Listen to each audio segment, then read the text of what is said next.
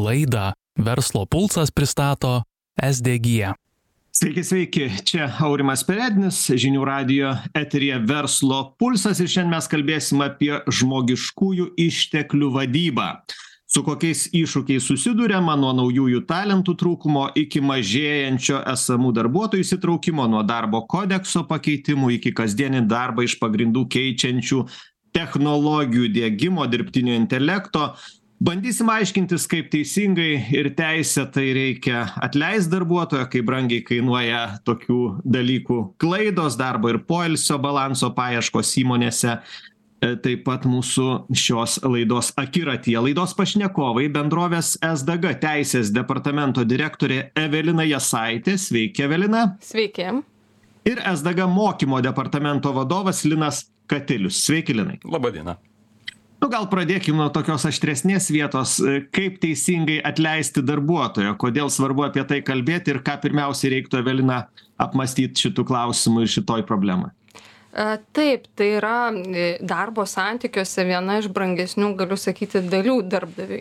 Jeigu darbdavys neteisingai atleidžia, tai yra daug neigiamų pasiekmių, tai e, pirmiausiai finansinės pasiekmes, aišku, po to psichologinė, nes atmosfera jau įmonė yra nekokia, jeigu jau konfliktas tarp darbuotojų ir netinkamo atleidimo, nu ir žinoma reputacija, jeigu tai išlenda į visuomenę. Tai darbo kodeksas, tas naujasis, galima sakyti, mes dar vadinam teisininkai naujuoju, kuris jau įsigaliojo 2017 metais, tačiau a, nutraukimo pagrindai truputėlį pasikeitė ir darbdaviai susidūrė šituo klausimu, ne visada žino, kaip tinkamai atleisti. Tiesiog kartais būna, jau matom, kadangi ir pati dirbu su klientais ir klientai sako, čia ir dabar noriu atleisti darbuotoją, nors teisėje nėra taip paprasta ir atrodo kažkas nepatiko, bet reikia žiūrėti raidės, reikia žiūrėti procedūros, tinkamą straipsnį pritaikyti. Tai Tai yra kartais filmuose matom iš amerikos maždaug tu atleistas toks atrodo e, žinot vienoj teisėj tai gali būt normalu bet mūsų teisėj sakot reikia žiūrėt reikia skaičiuoti reikia skaityt kodeksus Labai, labai, va šitoj vietoj labai reikia žiūrėti raidės ir a, čia dar prisideda teismų praktika, nes a, kai kurie atleidimai a, parašyti darbo kodekse abstrakčiai, o teismai truputėlį išplečia, tai reikia ir šitų žinių. Tai žinoma, darbdavys ne visada tą žino ar neturi galimybės ir teisininkų turėti ir tada jau jeigu kažkoks konfliktas nueina pirmiausiai darbo ginčius ir po to teismus. Nes pagal praeitų metų statistiką darbo ginčių komisijoje antroje vietoje pagal dažnumą darbo ginčių tai yra dėl atleidimo. Nu, tai jau rodo, kad šita vieta yra truputėlį net, nėra tokia stipri, kaip galėtų būti iš darbdavių pusės. kada atleidimas yra neišvengiamas kada jau na tas prisirpsta reikalas suprast kad organizacija ir žmogus nu vat kažkaip ne pakeliui jiems kartu kokios aplinkybės tai išduoda ir kokios situacijos Dažniausiai tas e, aplinkybės, kad tiesiog darbuotojas nebetneša pridėtinės vertės. Normalu, kad žmogus turi tą e, kažkokią vertę sukurti. Tai vienas iš tokių dažnesnių ir va čia darbdaviai padaro klaidas, kad nu, tiesiog yra, yra perteklinis žmonių skaičius nu, esant kažkokiai situacijai bendrai. Ir tiesiog paima ir darbuotojas sako, va tu man čia mažiausiai pridėtinės vertės atnešė, nu tai ir atleidžiam. Tai čia būna viena iš tokių klaidų, kad turi būti atranka daroma, kriterijų žiūrima ir taip toliau. A, toliau, toliau atleidimai būna, kai kažkoks psichologinė atmosfera būna tokia sudėtingesnė, lyg jis viskas tvarkoja dirba, nu, bet kolegos sako, nu negalim su tuo darbuotoju dirbti, nors tu ką. Nu, ir tada jau irgi žiūri, žiūri kaip, kaip. Bet sakau, dažniausiai, tai jeigu nėra pridėtinės vertės, nu, tai, tai ir jau ieškoma, kokie, kokiais būdais atsisveikinti su darbuotoju. Arba jau pats darbuotojas inicijuoja, bet čia jau mažiau būna, aišku, ginčių, kai pats išeina. nu žinot čia mes apie tokį ekstremalesnį nors aišku neišvengiamą dalyką kalbam linai bet turbūt na svarbu suformuot tokią komandą kad ji būtų tvari kad būtų gera chemija kad e, ji dirbtų ilgai ir mes nesvarstytum tokių dalykų dažnai nors aišku jie neišvengiami ko reikia kad taip atsitiktų ir kad atleidimas būtų retenybė o ne o ne kasdienybė įmonėj mhm. tai tikra tiesa aurimai atleidimas yra jau paskutinis turbūt žingsnis kuriuo reikėtų imtis e, ir e, gyvename tokiais laikais kai darbuotojus įmonės turi branginti. Tai tas procesas tas atleidimas e, kaip ir sakiau turėtų būti jo imamasi jo tik tada kai kai suprantama kad kito nieko daryti negalima. Tai tam kad išvengtume to atleidimo reikia, aišku, kalbėtis ir su pačiu darbuotoju, e, žiūrėti, kokie jo lūkesčiai, ar jis pritampa prie įmonės, prie jos politikos, ar jis pritampa prie komandos ir svarbus, ta, e, svarb, svarbus veiksnai yra ir formuoti komandą tinkamai, kad į tą komandą būtų ilgalaikiai.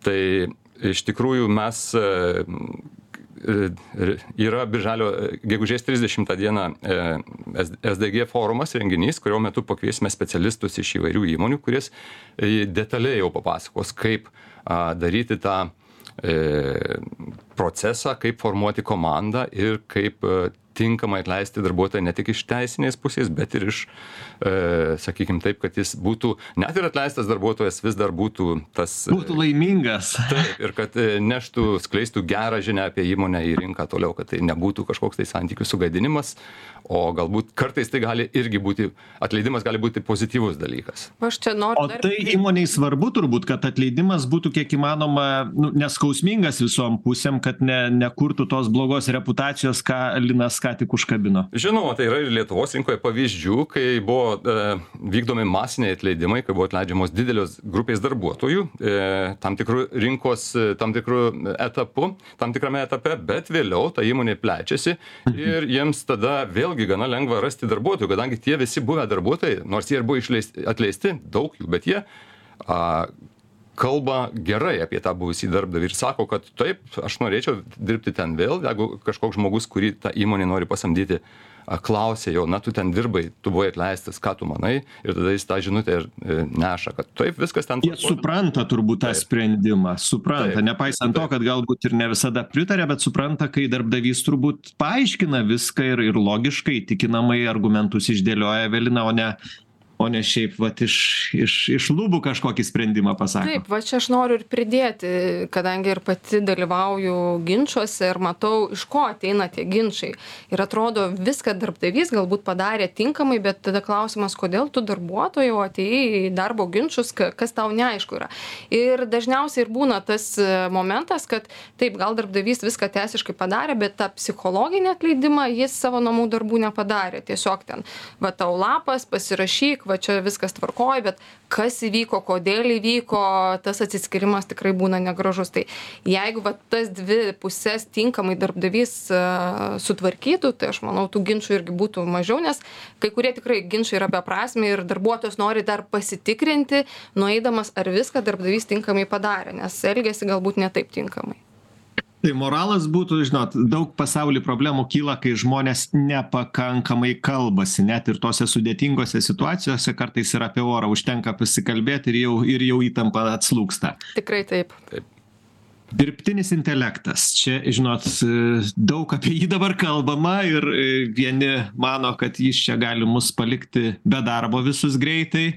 Kiti sako palaukit palaukit e, nieko jisai čia nieko jis čia mūsų neįstums vis dėlto linai kaip reikėtų žiūrėti dirbtinio intelekto atėjimą į mūsų į mūsų švietimą į mūsų verslą vis dėlto daugiau galimybių ar daugiau grėsmių jūs čia matytumėt? Aha. Tai aš norėčiau pradėti nuo to kad dirbtinis intelektas su juo eksperimentuojama jau tikrai seniai daug daug metų duomenų mokslininkai kiti specialistai a, dirba su juo jau seniai bet tikras sprogimas įvyko vasario mėnesį berods su chat gpt atsiradimu ir dabar apie tai kalba visi Mhm. Tai dabar netgi yra toks posakis, kad jeigu jūsų įmonėje dar nenaudojamas dirbtinis intelektas, jūs juo dar nedirbate, reiškia, jūs jau pavėlavote. Ir nuo to vasario mėnesio pokyčiai vyksta faktiškai kasdien.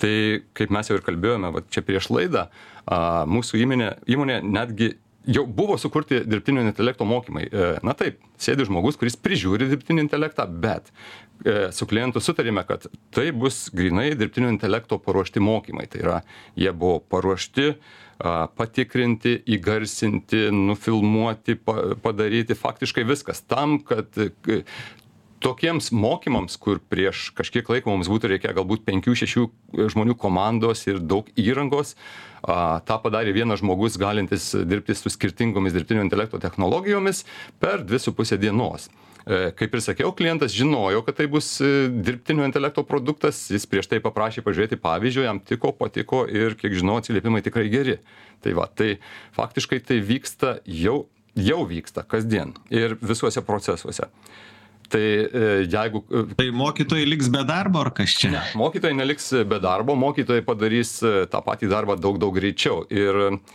čia kaip ir bet kuri revoliucija, pramoninė revoliucija, tiesiog reikės kitokių įgūdžių ekspertų žinių visada reikės, tai yra e, dirbtinis intelektas bent jau kol kas klysta, ateityje jis klys e, irgi klys, galbūt mažiau, jisai mokosi, tačiau visada reikės e, žmogaus, kuris na, suvairuotų tą dirbtinį intelektą. Tai darbai, darbai išliks, jie tiesiog pasikeis, bus kitokie. Jūs minėjot mokymai, bet kur va, panaudojamumas to dirbtinio intelekto įmonėms dar gana aktuolus galėtų būti? tai iš tikro panaudoti galima visur ir bet kur tai jeigu a dabar kaip ir sakiau pokyčiai vyksta kiekvieną dieną kasdien paskelbiami apie apie skelbiama apie naujas a programas e, dirbtiniam intelektui a pavyzdžiui e, galima su midjourney programa tiesiog padiktuoti tekstą ką tu nori kad kokią nuotrauką tau padarytų nurodyti detaliai. Pavyzdžiui aš noriu kad tai būtų a E, sinematografinis kino efektas, e, ten fotografiniais terminais šoninis apšvietimas, natūralus, minus 0,3 e, korekcija apšvietimo, taip pat tai turėtų būti šviesiais palaidais plaukais, saulėtoje prieblandoje stovinti blondinė. Ir tokią nuotrauką padaro tokio lygio, kad tiesiog negali atskirti, kad tai yra ne fotografo darytas žmogaus nuotrauka. Tai bet pradėkim nuo to, kad čia yra. Vėlgi, kaip ir sakiau, įgarsinimas. Seniau reikėdavo žmonių su komanda, kurie filmuodavo. Dabar tą jau gali padaryti dirbtinis intelektas. Taip pat, kadangi mes kalbam apie personalo sprendimus ir, ir konferencija, kurią mes organizuojam gegužės 30, ten bus kalbama apie e, dirbtinio intelekto e, sprendimus e, personalui, tai personalo specialistai jau dabar naudoja dirbtinį intelektą įvairiuose e, su įdarbinimu susijusiuose procesuose, pradedant e, atranką CV, tai yra e, įmeti tiesiog nuorodas į LinkedIn ir, jis, ir paprašai, nurodai kriterijus, kokie yra svarbus tam kandidatui ir jau link, dirbtinis intelektas tau padaro pirminę atranką. Vėlgi, visiškai pasitikėti negalima, bet na, tokių idėjų duoda. Tai yra padaro tą juodą darbą, kurį seniau sėdėdavo, darydavo personalo specialistai patys. Žinot, šitoje studijoje prieš kokius penkis metus sėdėjo Nobelio laureatas lietuvių kilmės Robertas Šileris. Ir aš jo paklausiau, man atrodo, pirmo ar antrų klausimų profesorių maždaug apie ką jūs dabar daugiausiai galvojat. Jis taip tiesiai atsakė, galvoju apie tai, kur dėsis žmonės. Tai leiskit šitą klausimą permesti ir jums ar jis nu žinot vienas klausimas yra labai aktualus kitas gal aktualus bus po dešim po dvidešimt metų. Kaip jūs vertinat kur dėsis žmonės ir ar šitą klausimą mes šiandien turim kelt ar ne iš tikro turim kelt šitą klausimą ir aš manau kad atsakymo niekas šiuo metu nežino nes tie pokyčiai yra tokie staigūs ir tokie drastiški kad tiesiog neaišku kaip tai bus. E, seniau buvo kalbama kad jau kai mes turėsime robotus kurie mums padės dirbti tai mes galėsim atsidėti kūrybiniam procesui. Bet iš tikrųjų dabar dirbtinis intelektas sukurti gali tokius dalykus ir taip greitai kad žmogus vėlgi šitoj srity jau dabar atsilieka kūrybiškume.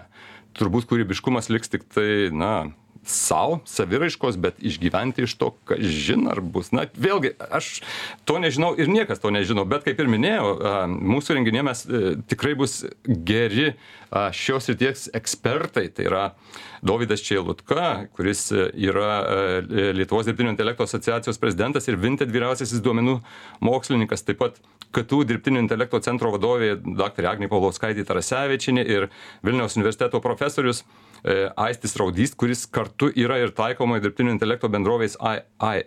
AAI Labs vadovas, tai yra žmonės, kurie šiuo metu Lietuvoje yra, na, kaip ir stipriausi dirbtinio intelekto srityje tiek iš teorinės pusės, tiek ir praktinės. Tai vat, m, ten bus tikrai, tikiuosi, atsakyta į tą klausimą, arba bent jau tiek, kiek įmanoma jį atsakyti šiuo metu.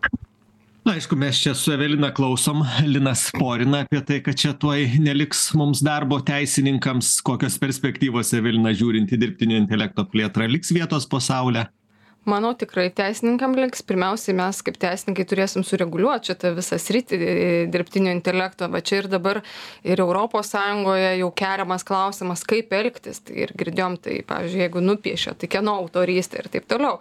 Nes šita vieta tikrai yra dar spraga ir kaip žinom teisininkams darbo visada bus. Oi mes mes tikrai vysimės nes ir chatgpt esu pabandžius tai žinokit ne dar jis taip teis kaip teisininkas ne nesureguliuoja ir dar tiek neišmano. Tai bent tiek man man yra džiugu. Aišku, kalbant šiek tiek grįžtant prie tos žmogiškų išteklių ar personalo, turbūt e, tas, ką dažnai įsivaizduojame politikos ir e, tų aktualių klausimų, kurie, vad, kalbam apie dirbtinį intelektą, kurie ateina ir, ir matyt, reiks mums čia tą santykį teisingą sukūt, kalbėjom apie atleidimą, vis dėlto kokie dar yra, Evelina, iššūkiai, kalbant apie personalo politiką personalo valdymą žmogiškuosius išteklius žinot nežinau čia tas nuotolinis darbas į mūsų gyvenimus labai e, smarkiai įsiveržė. Jūs labiau teigiamai ar ar neigiamai vertinat nuotolinį darbą? Nes kiek susiduriu žmonių tai čia nuomonių turbūt yra įvairių. O kokia jūsų? Mano asmeninė nuomonė kad geriausias variantas šiuo metu kai mes išbandėm šimtaprocentinį nuotolinį darbą ir kai buvome šimtu procentų ėjome į darbą nuo aštuonių taip tradiciškai iki penkių tai geriausias manau variantas hibridas kad e, darb darbuotojai turi teisę kažkuriomis dienomis vat nuotoliniu ir tada aš manau toks randamas labai geras balansas.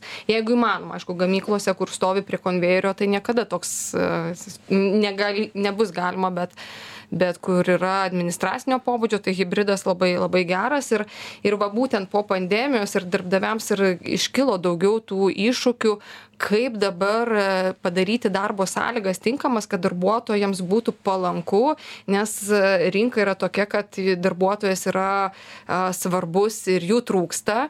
E, ir vat ir mes forume kalbėsime apie iššūkius kaip su kokį padaryt balansą tarp darbo ir poilsio nes jau ir imama šnekėti apie keturių dienų darbo savaitę. Tai irgi įdomus įdomi tema ir aš manau kad po kokių penkių metų tai jau mes šnekėsim kad tai normalus kai daugely sektorių dalykas yra keturių dienų darbo savaitė mhm. taip ateina tie dalykai taip taip jei galima dar apie tą keturių darbo dienų savaitę tai iš tikro su tuo eksperimentuojama visame pasaulyje ir jungtinėje karalystėje yra e, organizacija kuri vykdė e, pusę metų bandymą kuris baigėsi dvidešim antrų gruodžio mėnesį kur šešiasdešimt įmonių dirbo keturias dienas per savaitę su įsipareigojimu kad tie darbuotojai duos šimtą procentų rezultatų. Ir iš šešiasdešim vienos berods įmonės kuri dalyvavo penkiasdešim šešios net ir pasibaigus eksperimentui toliau eksperimentuos o šešiolika jau galutinai nusprendė kad tokį keturių dienų darbo savaitę ir vykdys. Tai panašu kad tas e, nuo aštuonių iki penkių darbo diena tikrai neliks. Vėlgi ateina ir ta jaunoji karta į darbo rinką kuri kitaip žiūri į tą darbą biure į į lankstumą. Tiesiog darbdaviai darbdaviai turės a taikytis turės ieškoti e, sprendimų kitokių negu tai buvo įprasta seniau nes tas turbūt aštuonių penkių darbo režimas yra tokiai nu gamyklinei ekonomikai industrinei pritaikytas o tai dabar postindustrinei ekonomikai kurioj gyvenam kur na e, žmonės kartais net ir juokauja nelabai sako žinom kada dirbam kada ilsimės. Tos ribos išsi aišku čia ateina ir nemažų problemų ir ir psichologinių ir ir socialinių. Sakykim žmogus perdega pervargsta ir ir tos ribos nežinodamas kada jis ilsisi kada dirba nes technologijos leidžia tau įsitraukti visą parą. Tiek į darbą tiek į poilsį tai čia matyt nemenki iššūkiai ir įmonėms ateina vat kaip kaip suvaldyt šitus šitus dalykus ką sakot žmonių reikia gerų trūksta žmonių jų poreikiai keičiasi žmogui. Kaip man juokavo viena personalistė sakė anksčiau taip nebūdavo kad ateina žmogus į darbą ir sako man ten nuo dviejų iki trijų reik visą laiką išeit nes šunį pavedžiot reikia. Vat jeigu išleisit tada dirbsiu jeigu neišleisit nedirbsiu. Na ir tai yra teisėtas jos e, poreikis jinai turi tokį poreikį darbdavio aišku reikalas ir jį tenkinti ar ne nu žiūrint aišku kokį darbą dirba tas žmogus jeigu jis prie staklių ir tu negali jo kažkaip išimti valandai tai tai vienas dalykas kitiems kiti dalykai. Bet čia matyt įmonėms evelina vat reikia kažkaip irgi gana plačiai tą poreikių visą visą lauką žmonių stengtis nežinau ar ar patenkint ar girdėti bent ar suprasti ir ir ir ir kažkaip išlaikyt tą motyvuotą blizgančiom akim darbuotoją kiek įmanoma ilgiau. Taip taip. Ir čia manau daug daug darbo turi personalo darbuotojai kurie va turi matyti girdėti taip pat ir ir stebėti teisės aktus. Nu nuo jų negalim nubėgti kad vis tiek teisės aktai aišku vejasi gyvenimą deja bet va tarp tų tarp darbuotojų ir teisės vat ir turi rasti tuos sprendimus kad visos šalys būtų patenkintos. Ir kalbant apie tuos vat ribų dar noriu paantrint atskyrimą tai vėl europos sąjungoje ir jau manau į lietuvą ateis toks e, angliškai pasakysiu right to disconnect tai teisė atsijungti. Tai jau irgi šnekama tai reiškias teisė jau mato kad reikia irgi čia įdėti tam tikrus įrankius kad e, žmogui leisti pailsėti kad ir jis dirba nuotoliniu būdu. Leisti nebūti pasiekiamam. Būtent. žodžiu jeigu jisai turi savo poilsio režimą tai tai na reiškias taip kad jeigu jau- darbdavy turėk omeny kad tu negali jo trukdyt. Taip penktą valandą reiškias uždariau kompiuterį ir darbdavy būk geras nebeskambink nerašyk man laiškų ir ten savo telefone nematysiu pyp pypsinčių žinučių. Aš beje kažkur girdėjau, kad netgi bus draudžiama darbdaviams rašyti e-mailą po darbo valandų, nes tai jau bus laikoma tarsi prievartiniu skatinimu dirbti. taip tai čia right to disconnect kurie eina iš europos sąjungos. Svarbūs dalykai turbūt nes kad na nebūtų tokio žinot darbdavys lyg ir savo statusu gali daryt tokį psichologinį spaudimą žmogus blogai jausis jeigu jis gauna žinutę po darbo valandų. Bet aišku čia turbūt nu svarbu irgi taip ne nenueit į tokius kraštutinumus bet aišku Mhm. kalbant apie apie plačiau visą tą visus tuos naujus dalykus kurie ateina be dirbtinio intelekto be e, right to disconnect priekabiavimo turbūt politika irgi kiekviena įmonė jau turi turi turėti ir ir dabar kartais irgi galvojama kaip ten kaip ten e, nepasakyt kokio riebesnio žodžio ar už tai nebūt nesusilaukt problemų kažkokių tai čia matyt irgi apie tai galvot net pasakyt kaip sakant netgi jau žmogui e, čia irgi tokį intarpą e, su valstybine darbo inspekcija turėjom vieną susitikimą ir sako kaip pavyzdį ateina kokie skundai dėl dėl to mm, priekabiavimo. Tai sako darbdavys liepia man ateiti darbą aštuntą. Aš ateidavau devintą jis liepia aštuntą. Ir jau jiem viskas jau reiškias čia jau darbdavys psicho nors grafikas yra nuo aštuonių bet jau darbuotojas vat diskomfortas ir eina institucijas ieškot teisybės taip vis dėlto kokia ta ateitis gali atrodyt darbo santykių matant naujus dalykus linai ir ir kaip įmonėms pasiruošti tam kas ateina ir ne kad ta banga jų nenuneštų kažkur į šoną kad jie būtų aktualūs kad jie žinotų kuo kuo gyvena žmonės kad jie girdėtų jų lūkesčius ir aišku visas tas politikas reguliacines irgi girdėtų kas keičias Aha. Tai iš tikrųjų, kaip ir sakiau, situacija keičiasi kasdien ir, kaip ir minėjau, gegužės 30 dieną e, mes organizuojame e, SDG forumą, tai yra renginį, kurio metu e, geriausi savo sričių specialistai, teisininkai, dirbtinio intelekto specialistai, personalo specialistai susitiks Kaune, Žalgerio arenos SDG amfiteatre ir diskutuos visais šitais klausimais. Tai labai kviečiame visus atvykti, prisijungti gyvai, jeigu negalite gyvai, galima nuotoliniu būdu. I- O ir daugiau informacijos apie visas tas detalės ir konkrečius pranešėjus ir temas galima rasti mūsų e, forumo interneto svetainėje sdgforumas.lt. Na, va, yra būdų, kaip ne tik gauti atsakymus ir, ir, ir iškelt klausimus, kam skirtas jūsų, jūsų šis formas. Kągi noriu padėkoti bendrovės SDG teisės departamento vadoviai Evelinai Jasaitį ir SDG mokymo departamento direktoriui Linui Katiliui, kad buvot su žinių radio klausytojais. Tuo tarpu dabar naujausios žinios, likit ir toliau su mūsų programa, tai buvo laida Verslo pulsas. Laidą Verslo pulsas pristato SDG.